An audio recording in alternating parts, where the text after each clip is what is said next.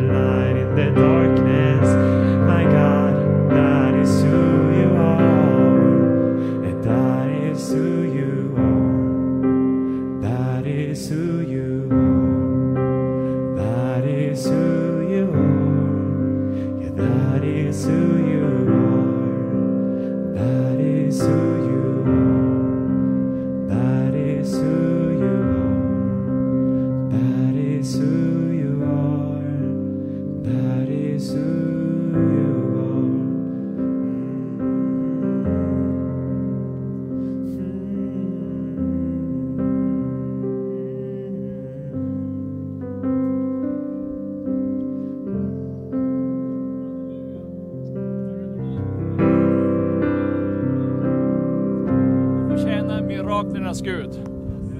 Miraklernas Gud. Innan det regnade och det blåste och det var ett väldigt liv här. Vi var där uppe och vi bad, gode Gud överraska oss. Davids ord. Davids ord. Gud är god. Du kan eh, varsågod och sitt. Jag tänkte börja lite så här att eh, jag tror att det är någon som känner sig så här att det är lite torrt i mitt andliga liv. Det är liksom inte, flödar inte på för fullt. Det är liksom lite, lite bakvatten på något sätt. Och du kanske har lite missmod och du har känt liksom att Gud är långt borta på något sätt. Vet du att bästa sättet Bästa sättet att må bra andligt, vet du vad det är? Det är att se till att du har en stubbe i skogen. Det är jätteviktigt att ha en stubbe i skogen. Du kan gå ut i skogen, du kan sätta dig på en stubbe. Du kan titta på en myra. En myra som kan bära 50 gånger sin egen vikt i mun. Då blir man glad att man får vara far. Att man får vara, liksom, ha en sådan far. Jag gillar att vara ute och plocka hjortron. Jag var ute och plockade hjortron. Och vet du att en hjortronmyr, den kan predika. Det står på ett ställe att, i Saltaren att Guds nåd, den är lika stor som öster till väster. Eller från syd till nord. Och det betyder att Guds nåd, den är oändlig. Det finns inget slut på Guds nåd. Vet du, jag stod ute på den där hjortronmyren. Och då tittade jag åt det där hållet. Det var hjortron så långt jag kunde se åt det där hållet. Åt det där hållet, åt alla håll, så långt jag kunde se. Då tänkte jag, så här är Guds nåd. Det finns inget slut på det. Det finns inget ände på det på något sätt. Och jag blev så glad. Och vet du, jag började sjunga en sång. Jag började sjunga den här sången som Josef börjar med. Du förtjänar allt. Du förtjänar allt. Är det någon som tycker om hjortron? Är det någon som vill ha hjortron? Den som är snabbast kan få den här hinken. Är du seriös? Det är din. Vet du, jag har bett för den där hinken. Jag har bett att den som får den här hinken, varje, varje bär du tar av den här hinken, så ska du bli påmind om Guds nåd. Du ska bli påmind om att Guds nåd är oändlig. Att Guds nåd vilar över ditt liv. Du ska aldrig tvivla på att inte Gud älskar dig. Du ska inte tvivla på att, på att han är emot det på något sätt. Att han har glömt det på något sätt. För Guds nåd, den är lika, den är lika stor som öster till väster och väster är till öster. Den är totalt oändlig. Det finns inget slut på den. Vet du att är man ute i naturen då kan man bli överraskad många gånger på Guds storhet. Jag ska berätta om en liten fågel. Det fascinerar mig så mycket. Det finns en som heter Trastsångare. Han finns i södra Sverige, han finns inte här. Han flyttar ner till Afrika varje höst. Och kan du tänka dig hur den flyger som? Det går liksom inte att föreställa nu hur det är som, hur han flyger på förvis. Han går upp på 6300 meters höjd har de mäta. Och de flyger ner till Afrika. Genomsnittet är 5400 meters höjd. Det är 22 grader kallt. Lövsångaren väger 25 gram tror jag. Vad har han där uppe att göra? På 6000 meters höjd. 22 grader kallt. Vet du att det är ingen, ingen fågelforskare egentligen som vet det. Men jag kommer på nu. Ju närmare himlen man är, ju bättre är det. Det kan inte vara någonting annat. De tror att det kan ha att göra med att han vill kyla ner sig. Men jag har svårt för att tro nu. Men ska det vara 22 grader kallt, det är inte så skönt. Det finns en annan teori, att det kanske är lite rovdjur där. Men jag tror, största orsaken, han vill ha kontakt med skaparen. Och då tänkte jag så här, då jag, då jag, då jag liksom reflekterar över sådana här saker. Där. Det finns hur mycket som helst. Skulle inte Gud ha omsorg om mig? Skulle inte Gud bry sig om mig? Varför ska jag gå och tänka så här? Ska Gud ha glömt mig? Gör jag ingen nytta här på jorden? Duger jag inte till någonting? När han har sån omsorg om varje litet kryp, om varje liten myra. Då blir jag glad, då blir jag tacksam till Gud. Står Jeremia att vi kan ösa ur frälsningens källor. Den källan sinar aldrig. Den källan tar aldrig slut. Så därför ska du se till att du har en stubbe i skogen. Så att du kan reflektera över vad din far har gjort. Jag brukar säga, det där är min pappa som har gjort den där myran. Det är min pappa som har fixat att fågeln kan flyga ner till Afrika på 6000 meters höjd. Då känner jag stolthet. Det är ju min pappa till min pappa, kom inte och säg något ont om han. Och han har lika mycket omsorg om du och jag. Du är mer dyrbar för Jesus än vad du tror själv. Han som har skapat himmel och jord. Han som har jorden som sin fotapall. finns inga begränsningar för Gud. Det är miraklernas Gud som vi sjöng. Det är miraklernas Gud. Alla hans löften, Fader, de, de håller, som min far har, har lovat, de gäller idag. De gäller idag. Så Gud har omsorg om dig. Står i Hebreerbrevet 13 och 5. Jag ska aldrig lämna dig. Jag ska aldrig överge dig. Och har Gud sagt det, har Jesus sagt det, att jag ska aldrig göra det, då behöver du aldrig tvivla på det. Aldrig betyder aldrig. Aldrig betyder inte kanske. Aldrig betyder aldrig. Jag ska aldrig lämna dig, står det. I varje fall så har jag tänkt lite grann på den här predikan om att alla, jag tror varje troende har en kallelse från Gud på sitt liv. På något sätt. Sen kan du kalla det av olika slag. Du kan kalla det missionär, att du är på mission. Du kan kalla det precis vad du vill. Och varför tror jag att det är så? Jag tror att det är inte en slump att, Gud, att eh, Jesus säger i, i eh, missionsbefallningen, gå ut i hela världen.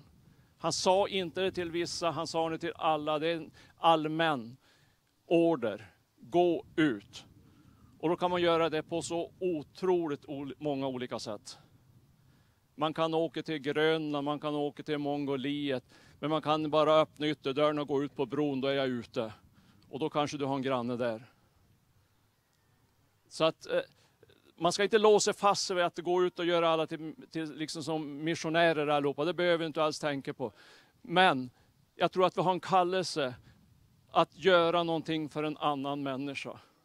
För att vill du må bra andligt sett, då ska du göra någonting för en annan människa.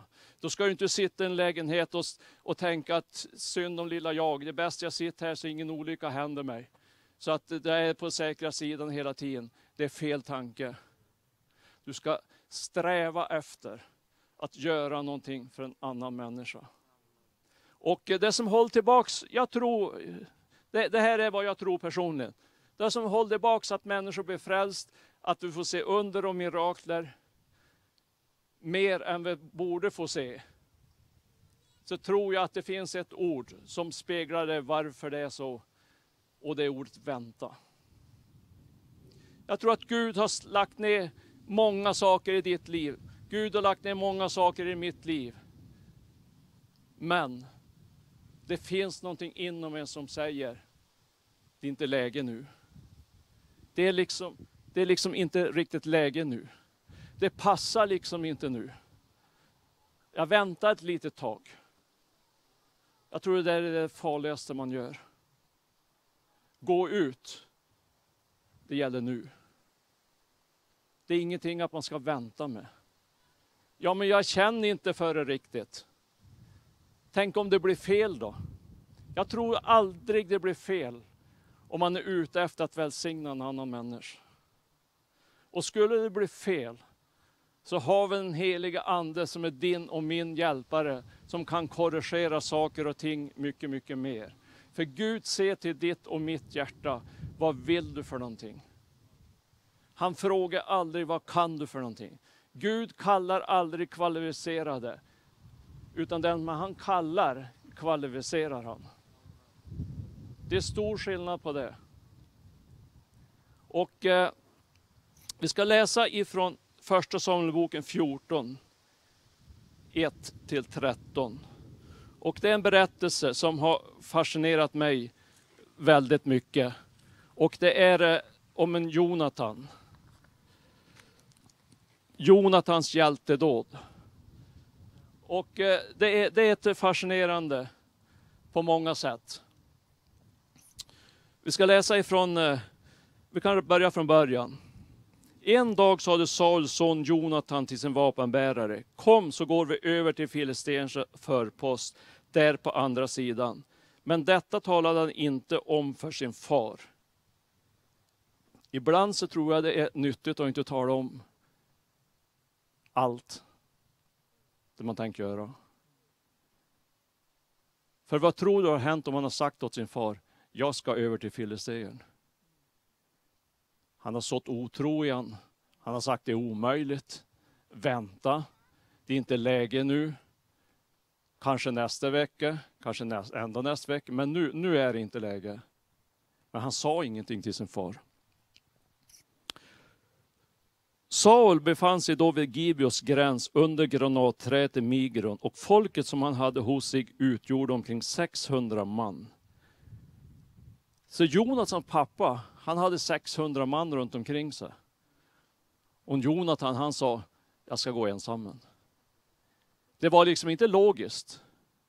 Men han hade fått någonting på sitt hjärta.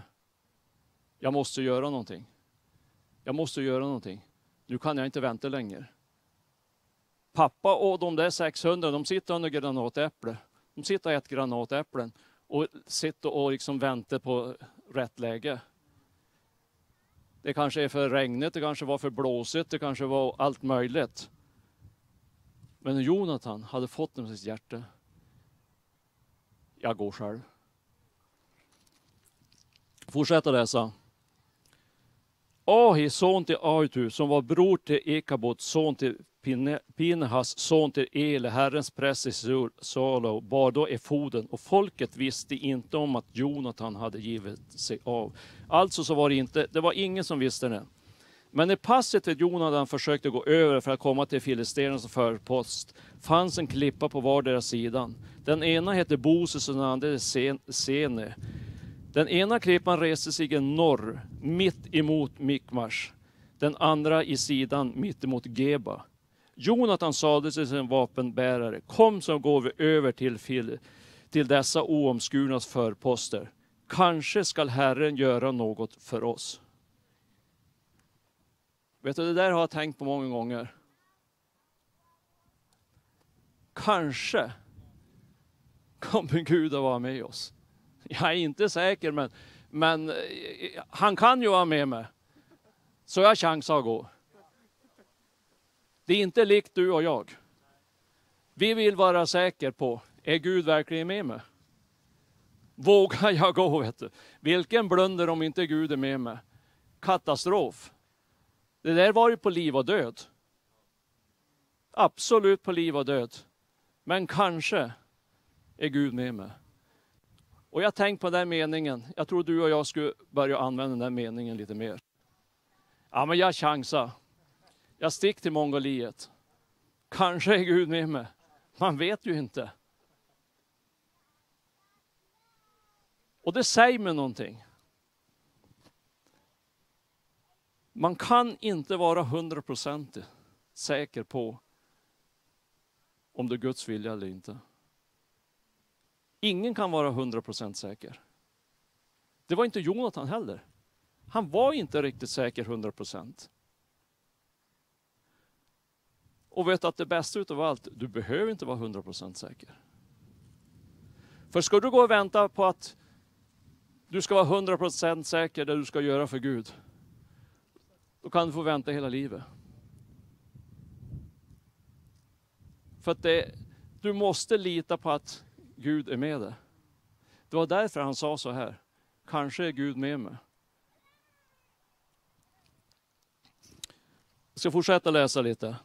För ingenting hindrar Herren att ge seger genom få lika väl som genom många. Det är ganska eh, bra ord. Gud kan göra seger genom du är ensam, lika väl som man kan använda hundra runt omkring det. Hans vapenbärare svarade, gör allt du har i sinnet, gå du, jag följer dig vart du vill. Det var en trogen vapenbärare. Gör vad du vill, jag häng på bara. Jag tvekar ingenting. Då sade Jonathan, bra, vi ska gå över till männen där och visa oss för dem. Om de säger till oss, stå stilla till dess vi kommer fram till er, då skall vi stanna där vi är och inte klättra upp till dem. Men om de säger, kom upp till oss, då ska vi gå dit upp, för då har Herren gett dem i vår hand. Detta ska vara tecknet. När båda två hade blivit synliga för filisternas förpost sade filisterna, se hebreerna kryper ut ur hålen där de har gömt sig. Förpostens manskap ropade till Jonatan och hans vapenbärare. Kom upp till oss så ska vi lära er. Då sade Jonatan till sin vapenbärare, kom med upp efter mig, för Herren har gett dem i Israels hand. Jonatan klättrade upp på händer och fötter och hans vapenbärare följde honom. Och filisterna föll för Jonatan, och hans vapenbärare gick efter honom och gav dem dödsstöten. Kan du se dem framför dig? De klättrar på händer och fötter. Det var liksom ingen promenad. Utan det var, det, det, det var på blodigt allvar. Jag tycks bara se dem stå på klippan. Vet du, i onsdags, tror det var på onsdag, var vi uppe i Stockholmsgatan. Har du inte varit i Stockholmsgatan, skulle du fara dit. Jag tänkte på en Jonathan då. Det är en, det är en eh, bergskreva uppe i Arnösjö, långt upp här, som är väldigt våldsam. Och då du står så här, då finns det lodräta väggar så här. Och jag bara tänkte att filisterna stod där uppe och Jonathan var där nere och skulle klättra upp. De har ju bara behövt en liten sten och bara putta till så här, så har det varit godnatt med dem. Men Gud var med dem. Och Gud gjorde en seger genom dem. Och det säger mig att Gud kan göra mirakler och under genom en vanlig människa, lika väl som en kung eller en stor pastor eller vem som helst. Han använder vem han vill. Så att jag bara gått och tänkt, det här ordet har liksom bara gått in med. Vänta inte. Vänta inne, inte. För jag tror att Gud har lagt någonting i ditt hjärta. Jag tror Gud vill lägga någon mantel på flera ener här idag. Precis som att det är en eh, missionsmantel av något slag. Det behöver inte vara att du ska bli missionär, men jag tror att du ska få ett hjärta av mission. Jag tror att du ska vara förebedjare för vår mission. Vår församling är född ute missionärspar. Och nu i veckan så gick Anna-Lena Alm hem till Herren. De som startade församlingen, de som brann för mission. Och jag tror att det finns här de som ska ta över. Både, både som missionärer, men både också som förebedjare, missionsförebedjare. Och jag tror att Gud vill lägga mission på oss var och en mycket, mycket mer än vad vi har just nu. För den här församlingen är född ut ur mission och den ska fortsätta och driva mission på olika områden. Om det är grannen eller om det är Tadzjikistan eller om det är Mongoliet, det spelar liksom ingen roll. Och jag tror att Gud vill tala till dig idag att förringa inte det lilla det Gud har lagt på ditt hjärta.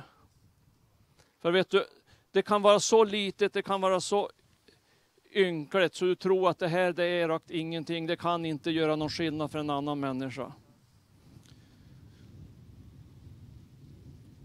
Jag ska berätta en sak för dig.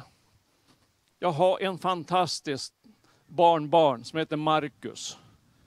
Vet du, Markus, jag är så glad att han sitter med mig här idag. Markus, kom upp. Ska du få se hur mycket Markus har vuxit. Han är ju längre än jag. För exakt 15 år sedan så var jag nere på Arlanda och mötte Elinor. Hon hade Markus med sig. Han var några månader. Och du ser, allting som du ger näring, det växer.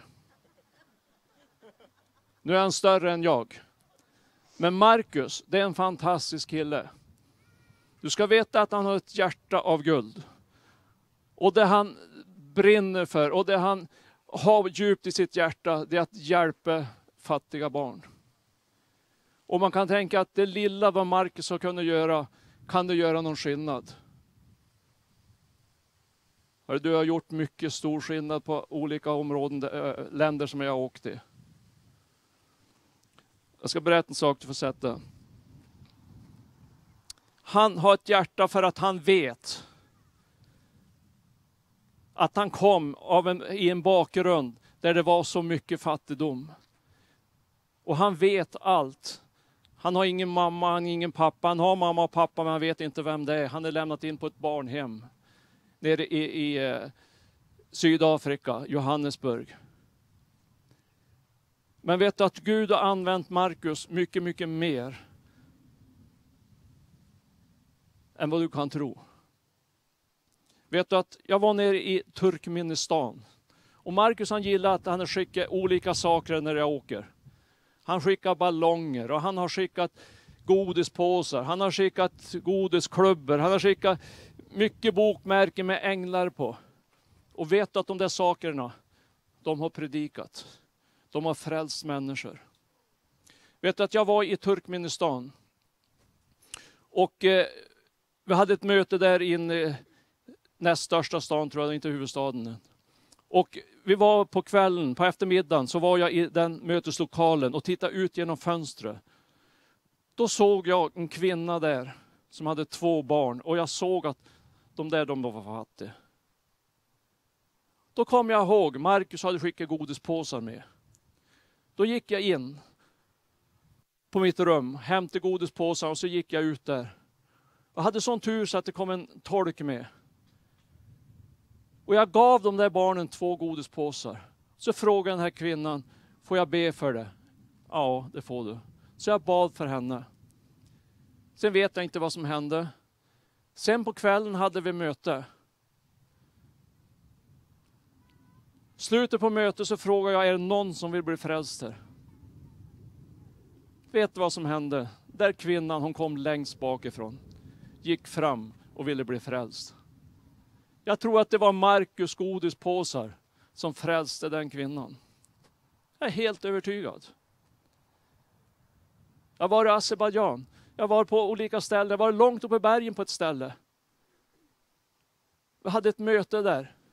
Blev några frälsta där. Och Markus hade skickat ballonger. Och efteråt, vi blåste ballonger. Vi hade ballonger i hela rummet. Några år efteråt så var det en stor församling på 70 personer där. Jag tror det var ballongerna, de vidrörde barnen. De hade inte sett ballonger tror jag. Förringa aldrig det lilla. Det kan ha ett evighetsvärde. Det kan ha ett evighetsvärde. En ballong, en godispåse. Jag har suttit i Peru och delat ut godisklubbor som är Marcus och Skicke. Vet att det kan ha ett evighetsvärde. Gud ser till hjärtat. Vet du att jag har, har en sång som ringar på insidan av mig. Som jag skulle vilja bara ge dig som lyssnar idag. Josef, du kan komma. Jag skulle vilja bara att du tar till den här sången till ditt hjärta. Den här sången har hjälpt mig många gånger. När jag har varit tveksam.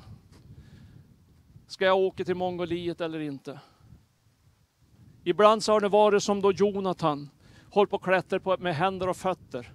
Det har varit motstånd. Det har inte varit lätt. Det har varit jobbigt. Men vet den här sången har hjälpt mig. Jag har beslutat att följa Jesus. Jag har beslutat att följa Jesus.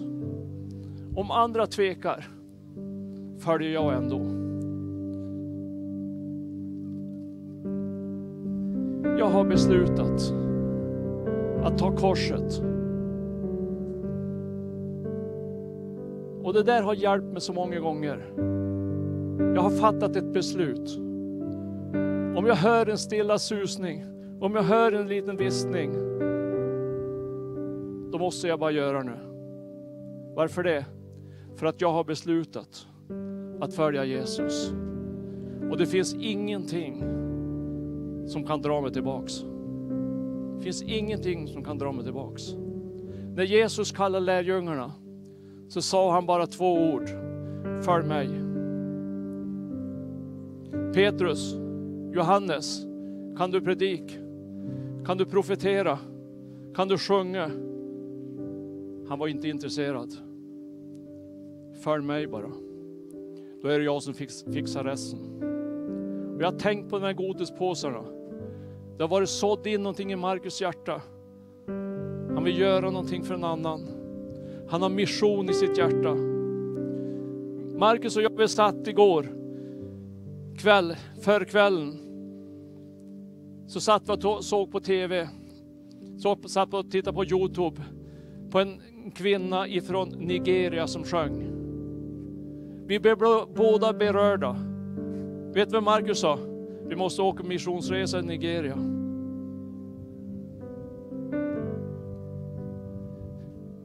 Det var så mäktigt. Sa, det var så roligt, det var så roligt. Han sa så här. Jag får rysningar. Se titten på armen och kollar om håret stod. Det var så häftigt. Gud vill använda var och en. Gud vill använda dig. Du är dyrbar för Jesus. Du får inte vänta längre. Vänta inte på rätt läge. Det är inte säkert läge kommer. Vänta inte på rätt tillfälle. Om inte du får något tillfälle då? Om det känns inte bra. Jag ska säga en sak. Känslor har ju spelat spratt med mig många gånger.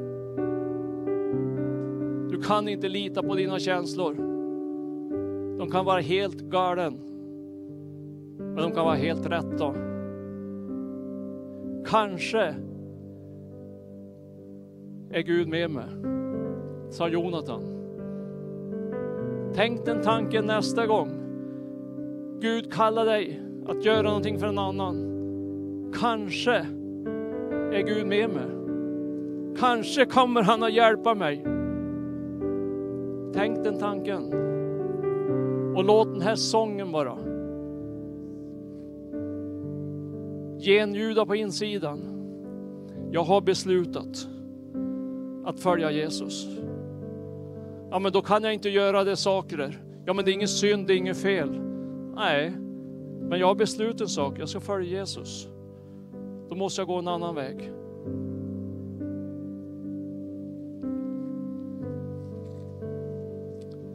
Ibland måste man vänta. Men jag tror att det är så här, när du måste vänta, då ser Gud till att du måste vänta. Jag satt på en eh, restaurang i Moskva en gång. Och jag bara hörde de här orden inom mig. Åk till Ulan Bator. Åk till Ulan Bator. Huvudstaden i Mongoliet. Yes, sa jag. Jag ska åka dit. Men vet du att det blev inget läge att åka. Jag kunde inte fara ensam, men jag måste ju följa någon. Så resvan är jag inte så jag kan åka till Ulan Bator ensam och inte känna en församling. Men det gick tio år. Då så var Carl Gustaf Severin på Svedjeholmen. Och då sa han, Hasse ska du följa till, till Ulan Bator? Yes, absolut. Jag visste direkt att jag skulle åka dit. Vet du varför jag fick vänta tio år?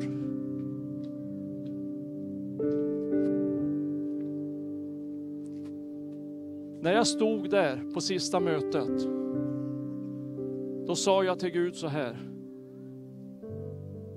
Var det inget mer? Gud, du har sagt att jag ska åka till Ulan Bator. Jag hade träffat flera människor där, jag hade uppmuntrat många där. Det var inte tal om det. Men jag bara kände det fattas någonting. Och jag stod längst fram på det här sista mötet och sa Gud, var det inget mer? Mötet var slut, lokalen höll på att tömmas. Då kom en tjej utifrån gatan, gick rakt fram och ställde sig framför mig och bara grät. Hon var ungefär 20 år. Vet du, jag hade ett ord till henne rakt in i hennes hjärta. Hon skulle till Kina som missionär. Hon bara tog emot det, bara vände på klacken och bara gick ut igen. Och sa jag, tack gode Gud, det var värt hela resan. Och då tänkte jag, tänk om jag hade åkt för tio år sedan. Då hade den där tjejen varit 10-11 år. Då var det inte rätt läge. Men Gud hade koll. Det öppnades inte förrän efter tio år. Jag skulle vilja be för dig ikväll.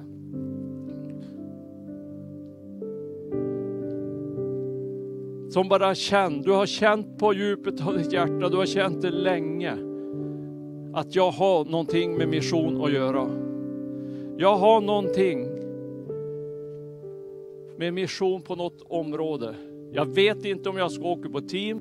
Jag vet inte om jag har ett land på hjärtat. Jag vet inte ingenting egentligen. Men du vet att när det talas om mission så blir du berörd på insidan av ditt hjärta. Och det har att göra med att du och jag vi är skap till att vara till välsignelse för en annan människa. Och då kan det vara nere i Sydafrika, det kan vara på Svedjeholmen, håller jag på att säga. Det kan vara vart som helst. Men vet att Gud ser till ditt hjärta.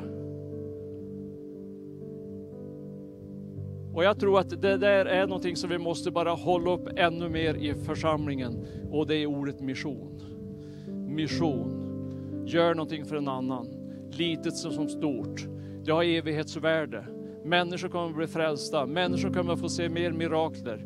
Gud kommer att vara med dig. Gud kommer att vara med andra. Det finns inga begränsningar för Gud. Så är det bara. Och jag tror att det fungerar så här mycket. Jag tänkte på den inne, innan liksom. Gud vill göra mirakel genom dig. Ja, men hur funkar det som då? Jag tror det fungerar så här många gånger. Och det är att det är människor som ber till Gud om ett mirakel. Gud hör det. Den heliga ande går till du och talar till du och då, och då måste du gå till den människan och göra någonting för en annan. Och då får du se ett mirakel.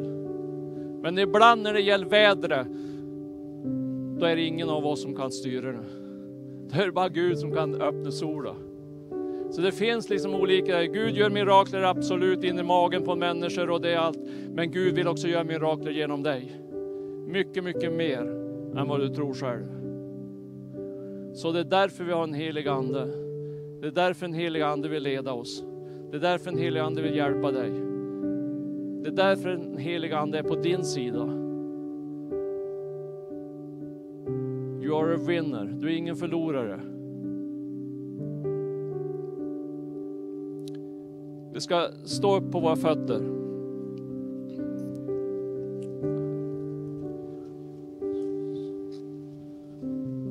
Och låt den här sången bara bli, bli din signaturmelodi på insidan. Jag har beslutat att följa Jesus. Jag har beslutat att följa Jesus. Om andra tvekar, om din granne tvekar på något sätt, då ska inte du tveka. För du har fattat ett beslut. Ett viktigt beslut. Jag ska följa Jesus. Jag ska göra en skillnad för en annan människa. Jag skulle vilja att du kom fram. Så jag bara känner i mitt hjärta bara att jag skulle vilja bara lägga händerna på dig och bara välsigna dig. Jag skulle bara liksom överföra någonting på dig. Gud är med dig. Känn ingen fruktan, känn ingen oro. Ja, men jag kan ingenting. Spelar ingen roll vad du kan. Gud bara se till ditt hjärta. Vill du? Så välkommen fram om du, om du vill ha förbön.